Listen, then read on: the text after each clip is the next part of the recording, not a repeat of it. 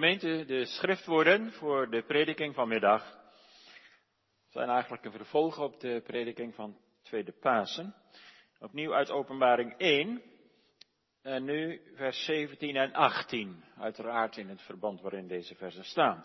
Openbaring 1, vers 17, waar Johannes schrijft, toen ik hem zag, viel ik als dood aan zijn voeten. En hij legde zijn rechterhand op mij, zeggende tot mij, vrees niet, ik ben de eerste en de laatste en die leven, en ik ben dood geweest, en zie, ik ben levend in alle eeuwigheid. Amen. En ik heb de sleutels van de hel en van de dood.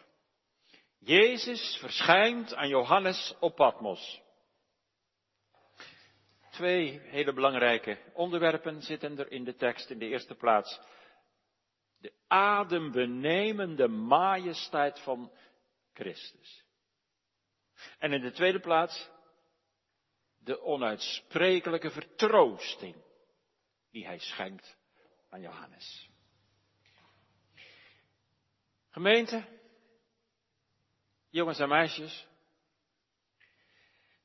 het is zondagmorgen in onze tekst. Nu is het zondagmiddag, maar in onze tekst is het zondagmorgen. En in gedachten gaan we naar Patmos, een klein rotsachtig eilandje, gelegen in de Egeïsche Zee, ergens voor de kust van Klein-Azië. Dat heet nu Turkije. Tien kilometer lang en vijf kilometer breed.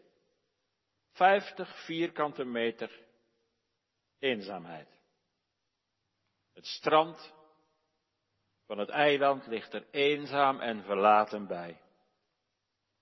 De golven vloeien aan en breken op de kust en rollen weer weg. En naar dat eilandje is de apostel Johannes, op hoge leeftijd was hij al gekomen, verbannen. Gevangen gezet, zeg maar. Om zijn geloof. Er staat in vers 9 om het woord Gods en het getuigenis van Jezus Christus. Dat betekent omdat hij vrijmoedig over de Heer Jezus sprak. En de Bijbel. Keizer Domitianus, die de christenen in Klein-Azië fel vervolgt, heeft ook zijn maatregelen genomen ten aanzien van Johannes. Hij heeft de apostel uitgeschakeld, op non-actief gezet. Mogelijk voelt Johannes dat zo ook aan. Machteloos leidt hij onder de vijandschap tegen het kruis van zijn geliefde Heere Jezus. Verbannen naar Patmos. Tegenover Efeze. De gemeente waar Johannes het evangelie van de gekruisigde en opgestane zaligmaker zo rijk heeft verkondigd. Tegenwoordig kun je met vakantie naar Patmos. Er zijn vier sterrenhotellen. Ja, nu kan het even niet vanwege de corona. Maar wie weet, kun je van de zomer nog boeken. Toen was het een strafkamp. Johannes is erheen verbannen van de mensen. Niet gescheiden van God, gelukkig. Dat blijkt ook uit wat we gelezen hebben.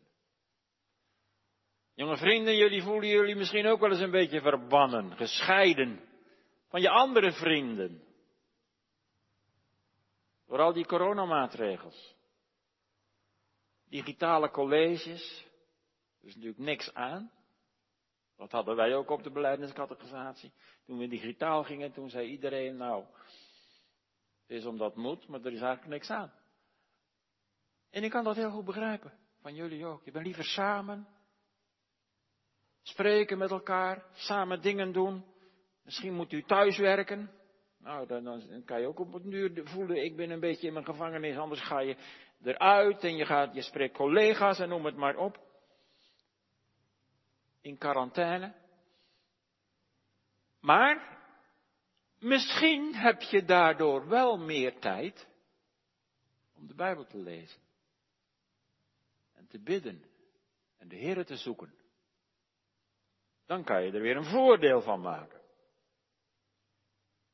Toen in de tijd van Johannes de tegenstanders van het evangelie dachten dat ze zo aan de kerk van Christus een onherstelbaar verlies konden toebrengen.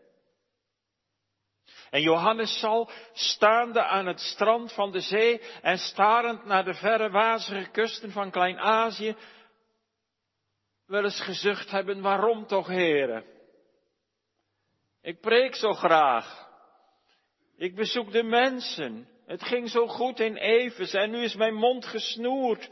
Niets herinnert op deze stille zondagmorgen aan de overwinningsglorie van de opgestane Christus. Alles lijkt ermee in strijd te zijn. Johannes, verbannen om zijn geloof. Ja, als het voor geloof voor u geen versleten zaak is, en als je echt Christus kent en beleidt, als Heere over je leven, dan roept dat toch vaak wel verzet op. In de wereld om je heen. Als het woord van God alleen maar uit kracht van opvoeding in je leven functioneert en niet door de kracht van de Heilige Geest, en je bent er niet door aangestoken en enthousiast gemaakt, dan gaat er ook niks van je uit. Dan zullen de mensen zich daar ook niet aan storen.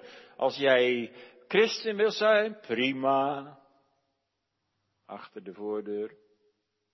Maar kom niet met allerlei dingen uit de Bijbel die wij zouden moeten eh, navolgen. Johannes. Verbannen. Op Patmos.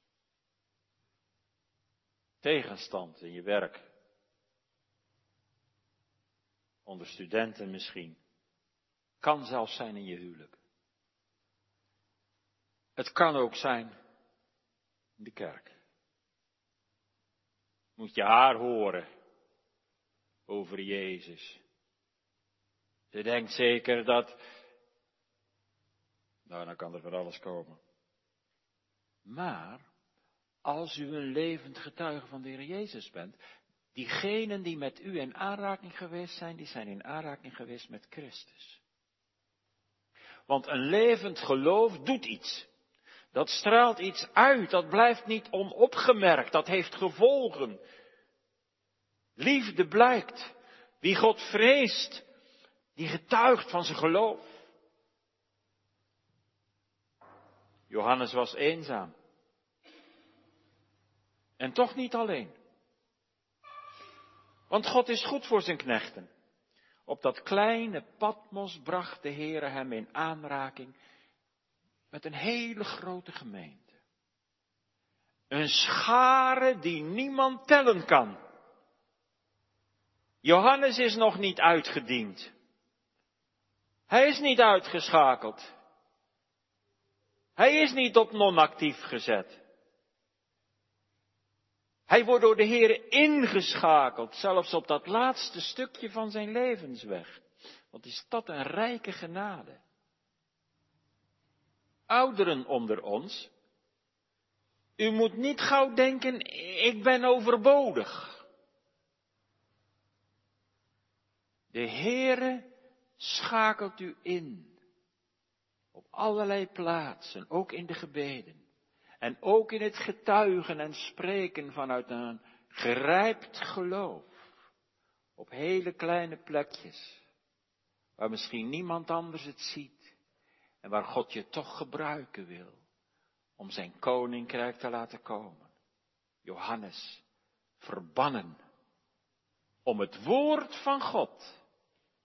En toch, je ziet het hier, wat de vijand ten kwade bedoeld heeft, dat heeft God ten goede gericht. Zo is God. Christus is overwinnaar. Die eenzame Johannes is Gods gunsteling. De Heere weet van hem af. En Christus zal het altijd winnen. Het wordt Pasen op Patmos. Dat kleine eilandje is in heel de wereld bekend geworden, omdat de Heer daar verschenen is aan Johannes. Heeft hem apart genomen in de stille eenzaamheid van Patmos, om hem te laten zien de dingen die met spoed, die spoedig zullen gaan gebeuren. Heerlijke zondagmorgen op Patmos. Zeker Johannes mist zijn, zijn gemeente, die hij jarenlang mocht dienen en voorgaan in de dienst van het woord in Efeze. Bij goed en helder zicht kon hij zelfs vanaf Patmos de contouren van de stad waar zijn gemeente lag zien. Oh, wat was dat een goede tijd. Wat waren dat rijke zondagen. Als God zijn woord gebruikte tot bekering van mensen, tot vernieuwing. Als het woord kracht ging doen in de gemeente. En als hij de sacramenten mocht bedienen.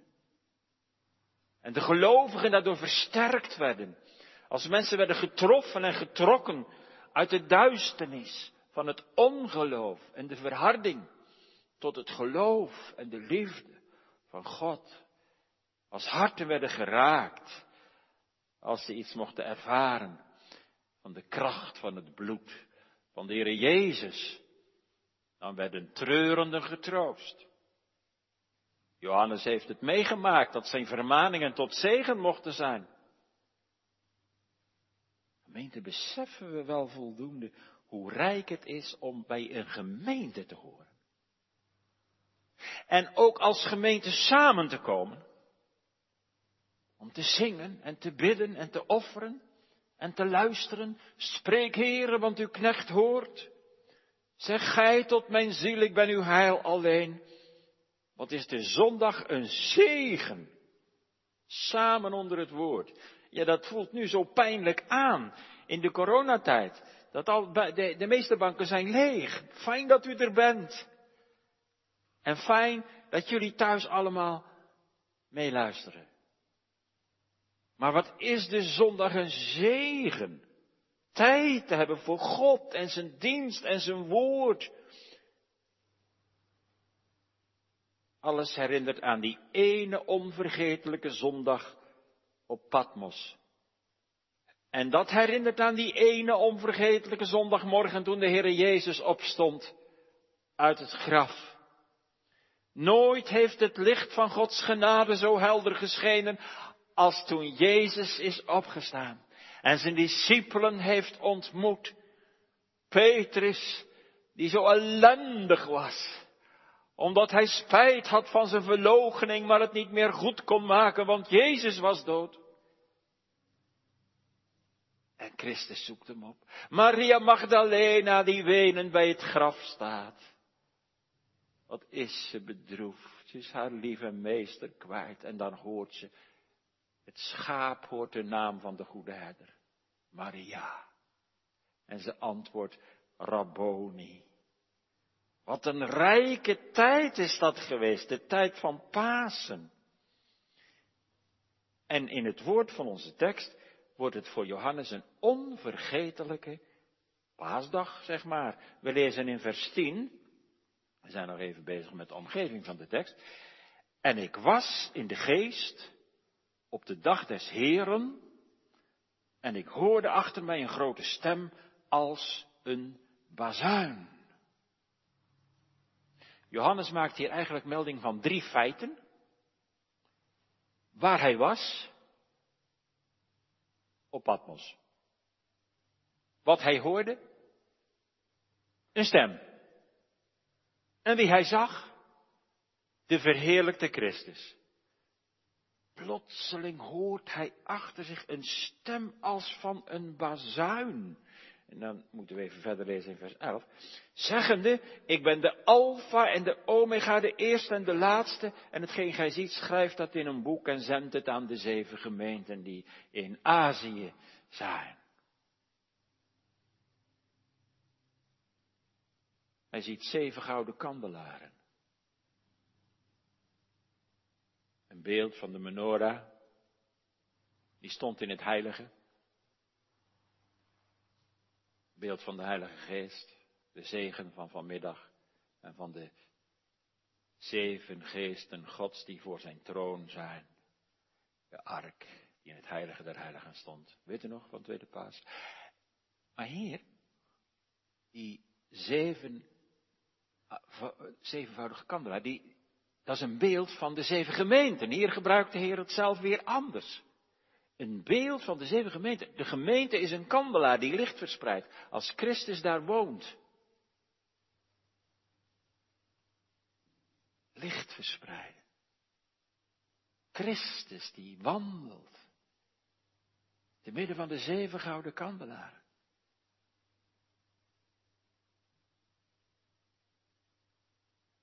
En verspreiden we dat licht? Het is niet aan ons om de uitwerking te zien, maar wel de opdracht om het licht te verspreiden, om iets van de Heer Jezus te laten zien en van God de Vader en van God de Heilige Geest en van de rijkdom van de Bijbel.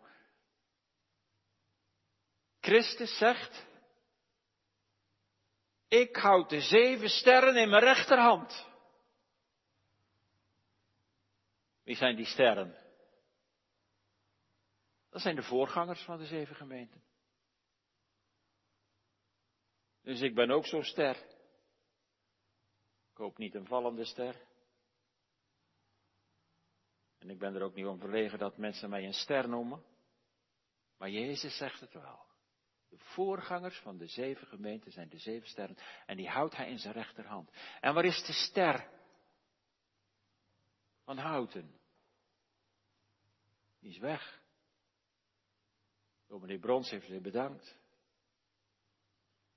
Dus gaat het werk van God niet door. Gelukkig wel, gemeente. Want Christus is er hoor. En hij gaat door met zijn werk. Hij gebruikt wel onderherders. Maar dat is de kerkraad ook.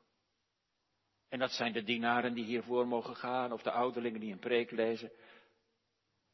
God gaat wel door met zijn werk. Maar we blijven bidden. Om een ster voor houten. Uit Christus hand.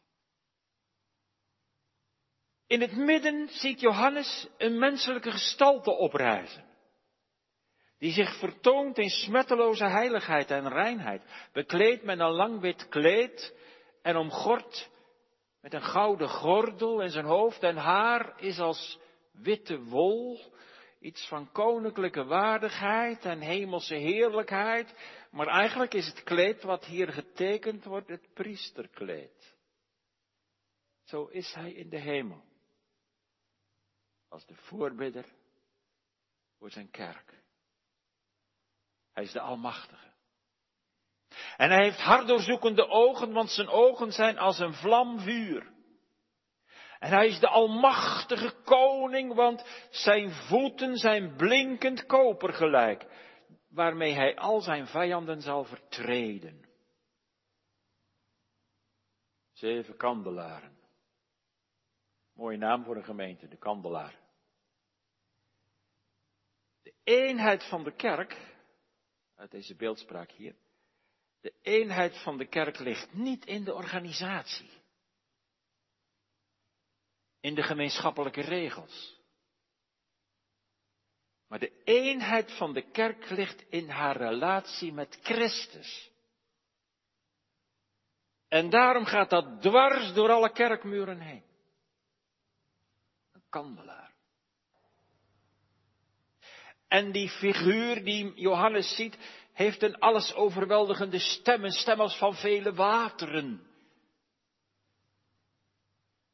Denkt Johannes aan, aan de watervallen in de bergen van Patmos? Of denkt hij aan het bruisen van de zee, als de golven schuimend stuk slaan op de rotsen? En het woord kan harten diep verwonden, maar ook liefelijk troosten, want uit zijn mond hangt een tweesnijdend scherp zwaard. En tenslotte ziet Johannes hoe zijn aangezicht blinkt, zoals de zon schijnt in haar kracht.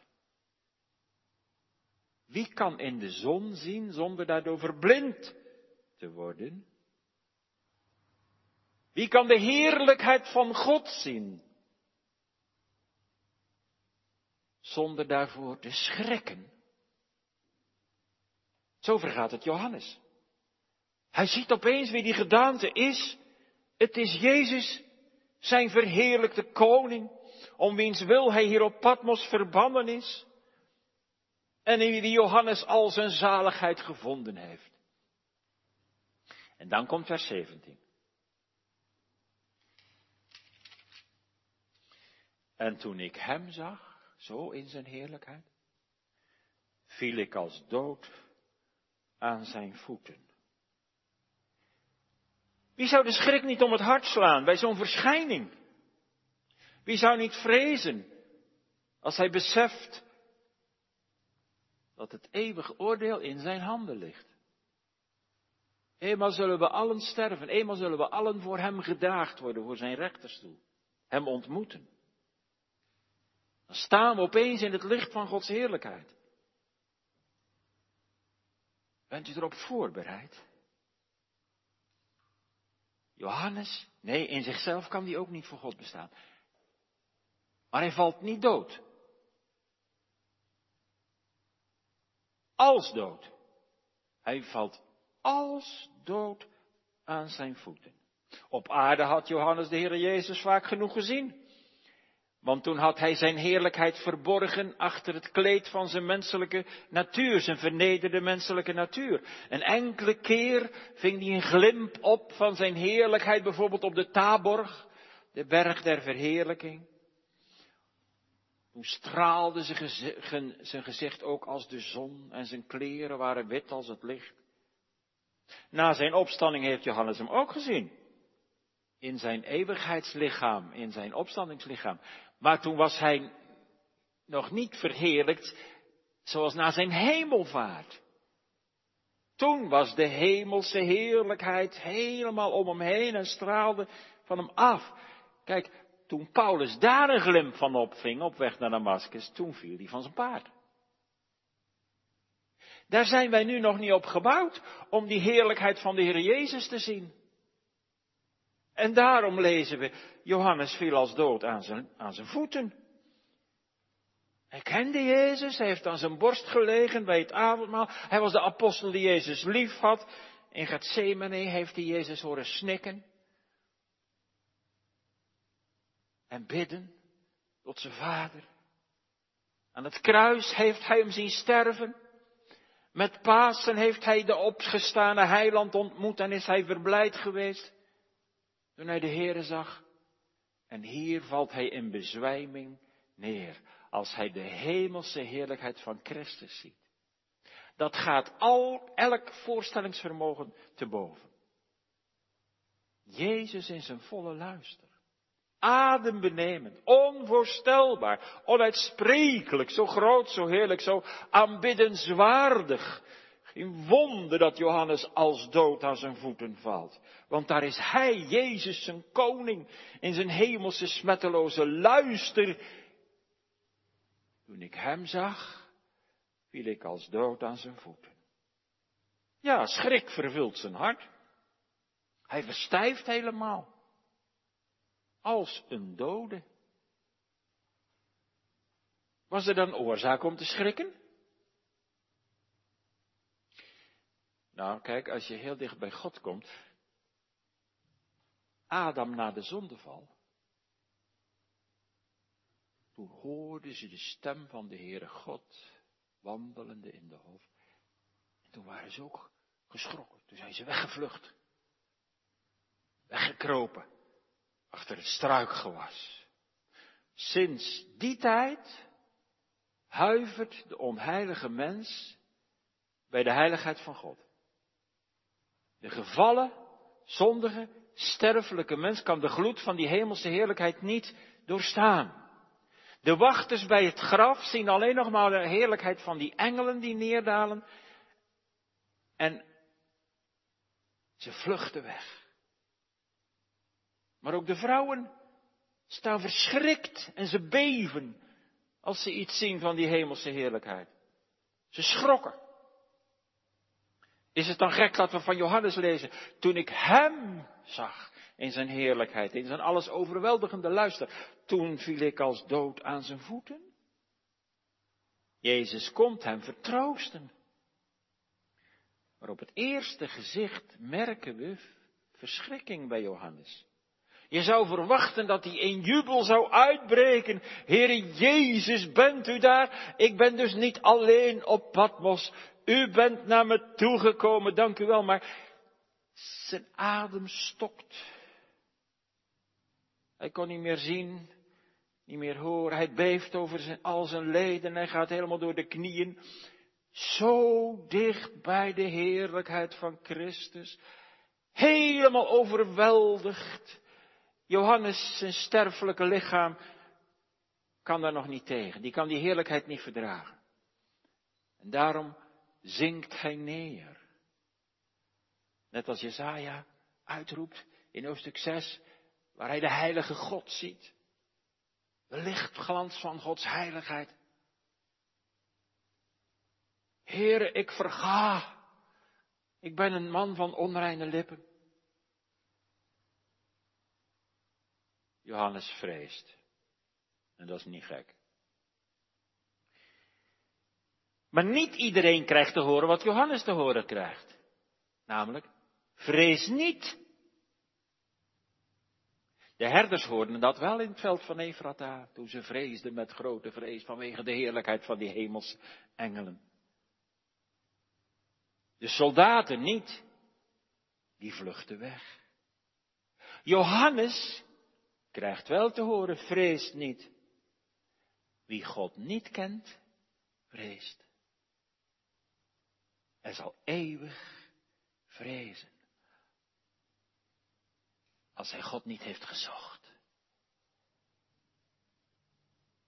En zijn liefde aanvaardt. Als het zo bij u is, gemeente, dan moet u maar vrezen. Voor God. Heilzaam om Hem te zoeken.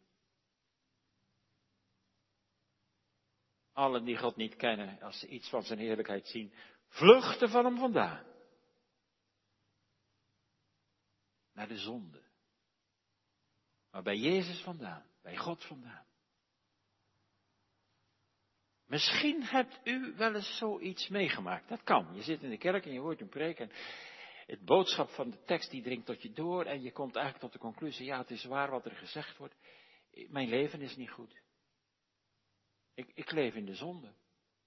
Ik moet anders gaan. Ik moet me bekeren. En toen kwam hij weer thuis en toen werd weer over van alles en nog wat gesproken en die indrukken die verdwenen weer en die slaafse vrees die hield op. Terwijl de Heer riep, bekeer u. Breek met je zonden. Vertrouw je toe aan mij om gelukkig te zijn. Herkent u het? Kruip dan terug naar God. Want zonder Hem is het eeuwig sterven. Vrezen voor God of God vrezen. Er is ook een vrees in heiligheid. Voor Gods grote daden. Er is ook, het woordje vrees wordt ook gebruikt in de Bijbel als het gaat om liefde en respect. Die staan de uitdrukking, de vrezen des Heren. Dat is niet dat je bang bent voor God. Maar je kunt wel heel erg onder de indruk zijn van het vreselijke heerlijke van Gods liefde en nabijheid waardoor je verbaasd bent en, en, en, beeft, omdat je zelf zondaar bent, onheilig, onwaardig. Maar je wordt juist getrokken door de liefde van God. Denk eens aan die moordenaar op het kruis, die had dat. Die heeft eerst gespot, net als die anderen met Jezus, en toen, toen heeft hij Jezus horen bidden. Voor zijn beulen, en toen keek hij naar dat bordje boven het kruis, Jezus, de Nazarene, de koning der Joden, is hij een koning? En het, het zonk neer in zijn hart. En hij waarschuwt zijn medemisdadiger. Vreest gij ook God niet? Daar gij in hetzelfde oordeel zijt. Moet je vrezen kan dus heel veel nuances hebben. Maar vreest gij ook God niet? Dat betekent, hij doet een beroep op Gods genade, want hij zelf zegt, denk aan mij als u in uw koninkrijk gekomen bent. Dan loop je niet weg van de Heere Jezus, maar dan buig je aan zijn voeten. En dat is een hele goede plaats van onderwijs, van, ja, daar verneder je jezelf voor God. Kunt beter als een dode aan zijn voeten liggen dan ver van hem vandaan leven, zogenaamd. Want dat eindigt in eeuwig sterven. Maar de dichter zingt, wie in stof ligt neergebogen, die wordt door hem weer opgericht. Is er herkenning, gemeente? Was de liefde van Christus wel eens zo sterk en verheven en overweldigend in uw leven dat u als het ware wegzonk en voor hem neerboog in aanbidding. Onder zijn liefde bedolven. Nergens ben je kleiner in jezelf dan daar. Voor God en voor je naaste. Waar Gods genade op het hoogst verheerlijkt wordt, daar buig je het diepst. Er is heilige verwondering in de omgang met de Heer, dat Hij naar mij wil omzien. Kent u dat buigen voor Hem? In schaamte over je zonden, dat blijft heel je leven. Maar tegelijkertijd verbroken onder Gods goedheid. Heere, wat wilt u dat ik doen zal? Telkens weer. Ontmoet u de Heer Jezus wel eens als u zo bezig bent in de Bijbel of in de kerk of in je dagboek leest of kan ook als je een lied zingt. Wat heerlijk. Johannes hier meemaakt dat je zoveel rijkdom en heerlijkheid ziet in de Heer Jezus. Die overweldigende majesteit doet je zo hartelijk buigen. Want van nature staan we zo hoog met onszelf. Toch? En we houden onszelf op de been met soms maar met een handje vol godsdienst. Maar dan zul je het niet meer redden. Toen ik hem zag, viel ik als dood aan zijn voeten. Daar zit deze les in dat u dat niet moet omdraaien. God doet niet aan ruilhandel. Hij zegt niet, als je je nou maar diep genoeg vernedert, en genoeg over je zonde huilt en dat heel diep beleeft, dan zal ik jou iets laten zien van de heerlijkheid van Christus. Wel nee, want als iemand buigt, dan is dat genade. Als iemand over zijn zonde zich schaamt, is dat genade.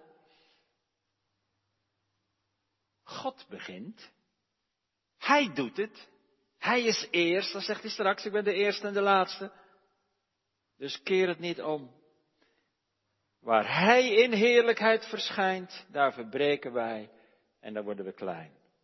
Daar zegt Petrus, als er zoveel vis gevangen is, en hij denkt, wat is Jezus machtig?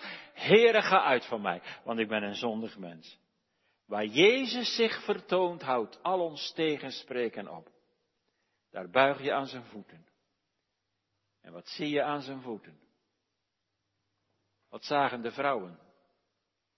Toen ze zijn voeten grepen en hem aanbaden. Toen zagen ze de kruistekenen. Toen zagen ze de wonden van de spijkers in zijn voeten. De bloedprijs die hij betaald had. Alles is voldaan. Johannes valt als dood aan zijn voeten. Niet dood, maar als een dode. Ademloos, sprakeloos, verbijsterd, verwonderd. Hij zal niet sterven, maar leven. En dat merk je wel als de Heer Jezus gaat spreken. Dat is vers 17b. En hij legde zijn rechterhand op mij, zeggende tot mij, vrees niet. Ik ben de eerste en de laatste, en die leven en ik ben dood geweest. Ik ben levend tot in alle eeuwigheid. Johannes die daar voorover op de grond gebogen ligt aan Jezus voeten, ervaart iets geweldigs. Iets heerlijks. Want dan buigt Jezus zich voorover en hij legt zijn rechterhand op zijn oude vriend Johannes. En er klinken vriendelijke, geruststellende woorden. Zoals een moeder zich buigt over haar angstige kind en zegt stil maar. Wees maar niet bang, Johannes. Je bent hier niet alleen op Patmos. Ik ben bij je. Ik zie je iedere dag. Ik ben je opgestane zaligmaker. Je hoeft niet bang te zijn, ook nu niet, nu ik je verschijn in die hemelse heerlijkheid. Wat een ervaring, gemeente. Hij legde zijn rechterhand op mij. Wat een teer gebaar. Wat een onvergetelijk ogenblik voor Johannes. En voor ieder die de Heere vreest. En de tere blijken van zijn liefde mag ondervinden. Zijn rechterhand. Nou, u weet wel, die heeft in de Bijbel verschillende betekenissen. Ik noem dat heel kort. Gods rechterhand is een teken van zijn macht. Gods rechterhand is hoog verheven, des Heeren sterke rechterhand en, zegt u de psalm maar op, zijn macht, zijn almacht. Tweede plaats is Gods hand een teken, zijn rechterhand een teken van zijn gunst, van zijn genade. De lieflijkheid van het zalig hemelleven zal eeuwig uw rechterhand mij geven. En in de derde plaats is de rechterhand een teken van Jij hoort bij mij. Met zijn rechterhand erkent Christus de zijnen en zegt, jij hoort bij mij, ik ben jouw Heer. Zijn linkerhand is het teken van zijn ongunst. Daarmee verstoot hij degenen die weigeren om te buigen aan zijn voeten. Maar hij legde zijn rechterhand op mij. En dan wordt dat kleine Patmos opeens zo groot en zo rijk en zo heerlijk. De gemeente van Efeze komt weer in zicht. Zelfs als het buiten wazig is, zie je wel Johannes dat je niet uitgediend bent. God heeft werk voor je. Brieven schrijven staat er in vers 19 moet je. En nog een heel boek openbaring schrijven. Schrijven kunnen mensen tot op hoge leeftijd vaak. En als je dan geoefend en gerijpt bent in het geloof, dan is het goed om de rijkdom die je hebt gezien door te geven aan anderen. Johannes moet ook opschrijven de dingen die nog gaan gebeuren en die zijn voor ons vaak moeilijk. Maar de grote lijnen lichten op. Hij legde zijn rechterhand op mij. Wat kan een eenvoudige handdruk betekenen? Of zomaar een hand op je schouder. Op weg naar de operatietafel. Op weg naar je examen. Ik zal voor je bidden hoor. Een hand die je elkaar geeft. Ja, dat merken we nu ook wel, nu dat niet kan, hoe waardevol dat eigenlijk is. Hopelijk komt dat weer terug. Het gaat niet over, hier over een mensenhand, maar over de hand van de Heer Jezus. Die hand die alle macht heeft in hemel en op aarde, ook op Patmos. Zijn opstandingskracht raakt Johannes aan via zijn hand. Een hand vol gunst en genade en gemeenschap en die hand is doorboord. De bewijzen van de verzoening zijn te zien. Wat een kracht, wat een troost zal Johannes in die aanraking hebben ervaren. Midden in die ballingschap op Patmos. Nu kan hij toch weer verder. Jezus is bij hem. Hij is hem nabij en goed. Het is vrede, Heer, het is genoeg, het is goed. Zo kan ik weer verder. Ik heb weer een opdracht van u ontvangen. Gemeente, nog steeds strekt de Heer Jezus zijn handen tot ons uit. Ook naar jullie jongens en meisjes. Tieners, naar jullie ook maar ook naar ouderen en oude vandaag. In de prediking van de verzoening strekt de Heer Jezus zijn beide handen tot ons uit. In de vriendelijke nodiging, kom toch tot mij. In mij is het leven. En wat doet u met die nodiging? Die, die handen sla je toch niet weg? Hoe heerlijk als hij zijn doorboorde hand, figuurlijk natuurlijk gesproken, legt op je schuldige hoofd. En als je de kruistekenen van Jezus ziet, in zijn doorboorde handen, mijn schuld is betaald. Zijn vrede blijft in mij. Want de Heilige Geest neemt het uit wat Christus verdiend heeft en hij past het toe, hij geeft het kracht in ons hart. Jongens en meisjes, kleine kinderen, misschien zit je wat te tekenen aan tafel. Luister eens even naar mij nu. Even je potlood neerleggen. Luister eens. Ben jij gedoopt? In de doop legde de Heere God zijn hand op je hoofd. Gevuld met zijn beloften. En als je niet gedoopt bent, heb je dan niks? Dan mag je misschien nog gedoopt worden. Want als je onder het woord van God komt en je luistert naar de Heere, dan komt Hij ook tot jou. Met Zijn aanbod van genade. Met Zijn liefde. En met Zijn vrede.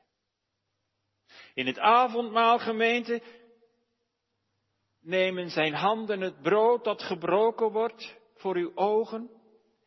Opdat u het geloven zult dat die spijkers ook voor u door zijn handen gingen.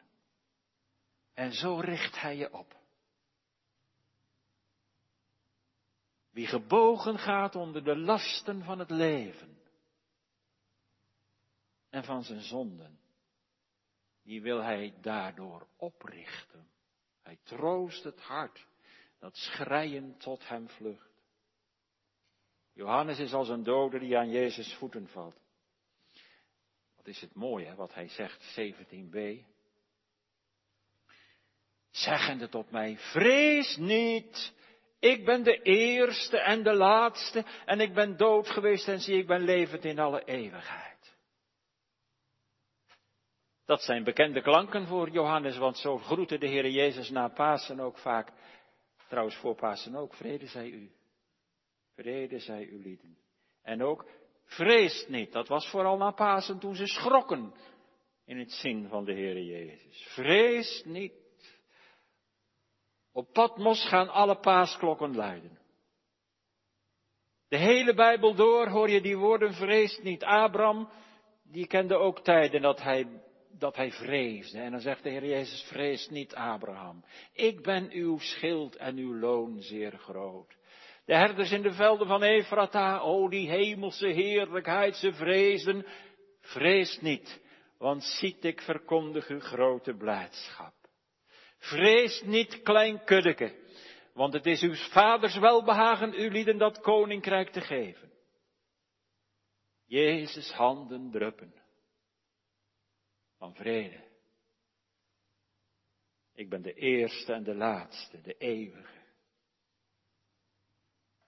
Ik ben de levende. Ik schenk je het leven. Weet u wat opvallend is? Tot drie keer toe zegt de Heer Jezus hier, ik ben. Even nadenken hoor. Tot drie keer toe. Drie is een symbolisch getal, hè? En ik ben is ook een heel belangrijke naam. Ik ben. Ik ben de eerste en de laatste. Ik ben dood geweest en ik ben levend geworden. Ik ben. Dat is de grond van alles, ook van onze zaligheid. Niet hoe je je voelt is doorslaggevend, maar wie Jezus is en wat Hij gedaan heeft. Dat leert hij door zijn Heilige Geest als hij toepast wat hij verdiend heeft. Vol verwondering mag je zeggen, ja Heer Jezus, u bent het alleen. U bent genoeg. Ik ben. Herinnert u zich dat dat eigenlijk de naam van God is? tot drie keer toe hier genoemd. Ik ben. Als de Heer zich openbaart aan Mozes, wie moet ik zeggen dat mij gezond heeft? Ik ben die ik ben. Ik zal zijn die ik zijn zal. Ik ben erbij. Jawel. Ik zal er zijn. Wonderlijk mooi is uw enige naam. Verborgen aanwezig deelt u mijn bestaan. Waar ik ben, bent u. Wat een kostbaar geheim. Uw naam is Ik ben. En ik zal er zijn. De toekomst is zeker. Ja, eindeloos goed. Als ik eens moet sterven. Als ik u ontmoet. Dan droogt u mijn tranen. U noemt zelfs mijn naam. U blijft bij mij, Jezus. U laat mij niet gaan. Ik ben die ik ben, is uw eeuwige naam. Onnoembaar aanwezig deelt u mijn bestaan. Hoe adembenemend, ontroerend dichtbij. Uw naam is ik ben. En ik zal. Drie keer. Ik ben. Ik ben de eerste en de laatste, zegt de Heer Jezus ook in vers 8. De alfa en de omega. De eerste en de laatste letter van het Griekse alfabet. Dus je zou nu in het Nederlands kunnen zeggen, ik ben het van A tot Z. Ik ben het helemaal. Ik ben alles. De eerste in mijn opzoekende liefde. En de laatste in mijn bewarende trouw. Jezus Christus is gisteren en heden dezelfde tot in eeuwigheid. Telkens opnieuw de eerste, maar ook de laatste. Hij houdt de zijnen vast, tot in eeuwigheid. Hij is de eerste die het werk begint. Hij is de laatste die het voltooit. Tussen de A en de Z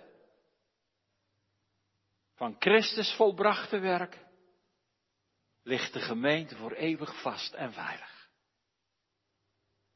Het begin is, ik heb u lief gehad met een eeuwige liefde.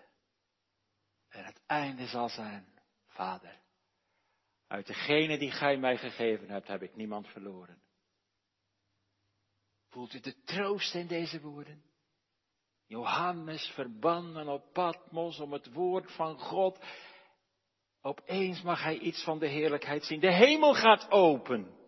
Op de dag des Heren, Johannes is in de geest. Dat wil zeggen, hij krijgt geestelijke openbaring van God. Toen ik hem zag. Christus overwint. Hij regeert. Als we om ons heen zien, is daar weinig van te zien. Eerlijk gezegd. U bent toch ook wel eens een keer moedeloos, zeker? Dat overkomt ieder mens, dat overkomt ieder kind van God, iedere gelovige. Maar als we Hem zien en op Hem zien, door het geloof, dan zien we dwars door alles heen op de eindoverwinning die komt. Hij is de eerste en de laatste. Niets loopt Hem uit de hand. We hoeven niet bang te zijn dat Christus het niet haalt. Als u maar met Hem bent opgewekt uit de geestelijke dood. Als u maar bent wedergeboren tot een levende hoop door de opstanding van Jezus Christus uit de doden. Jezus leeft. Ik ben de levende. Vrees niet, Johannes, dat je sterven moet. In de lichtglans van mijn heerlijkheid. Ik ben voor jou gestorven. Ik ben dood geweest. Ik ben de levende. Dat is het blijde nieuws van het paasevangelie naar het welbehagen van de Vader, heeft Jezus zijn leven gewillig afgelegd en ook weer aangenomen. Hij boog het hoofd en hij gaf de geest. Wat een oceaan van liefde, wat een zee van zaligheid in Christus. en ziet, let er eens op, ik ben levend tot in alle eeuwigheid. We hebben een levende koning die verlossen kan, die bevoegd is. U denkt toch niet dat ik uw tranen niet zie? U denkt toch niet dat ik uw zuchten niet hoor? U denkt toch niet dat ik u vergeten ben? Mijn hand is niet verkort.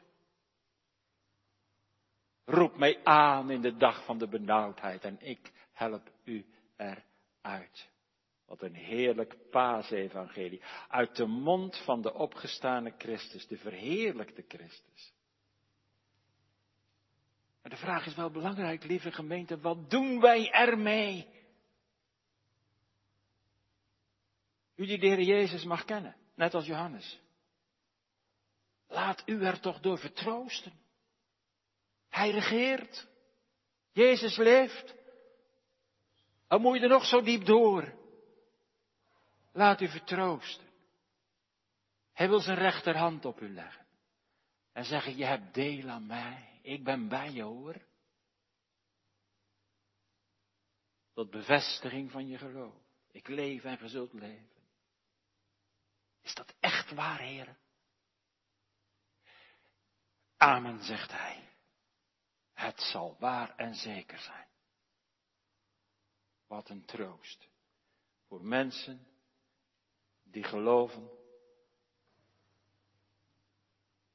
dat de dood in hun leven overwonnen moet worden. In de strijd tegen de zonde. Het goede dat ik doen wil, doe ik niet. En het kwade dat ik niet wil, dat doe ik. Wat kun je opzien tegen de tijdelijke dood? Als ik moet sterven, denk al aan dat regeltje van dat mooie lied, wat King Gaban zo vaak gezongen heeft. Maar hoor, Jezus leeft. Zie, ik ben levend. Met die heerlijke woorden wil de Heer Jezus het geloof dat soms diep weggezonken kan zijn, weer doen opvlammen, opleven. Hij laat de golven van genade en liefde over al onze jamaars van het ongeloof heen rollen. En dan verdwijnt het. Heeft Jezus zo wel eens zijn rechterhand op u gelegd? Is natuurlijk beeldende taal, dat snapt u wel, hè? Dicht bij u, gemeenschap met Hem. Geloofsverbondenheid met Hem om u op te richten en iets te laten zien van zijn heerlijke naam en de algenoegzaamheid van zijn werk en al zijn rijkdom als de Heilige Geest, als de toepasser van het heil daarin meekomt en die woorden en de kracht ervan afdrukt in je ziel, dan mag je van harte amen zeggen op wat hij sprak. Dan mag je rust vinden. Daar valt de last van je bezwaarde hart. En er komt het leven je ziel binnenstromen. En daar komt het vertrouwen op, op zijn woord. En de verwondering over het heil dat hij wilde aanbrengen brengen voor een mens zoals ik ben. Sta op, mijn kind, uit je nood, uit je ellende. En zing het. Jezus, op uw woord vestig ik mijn hoop.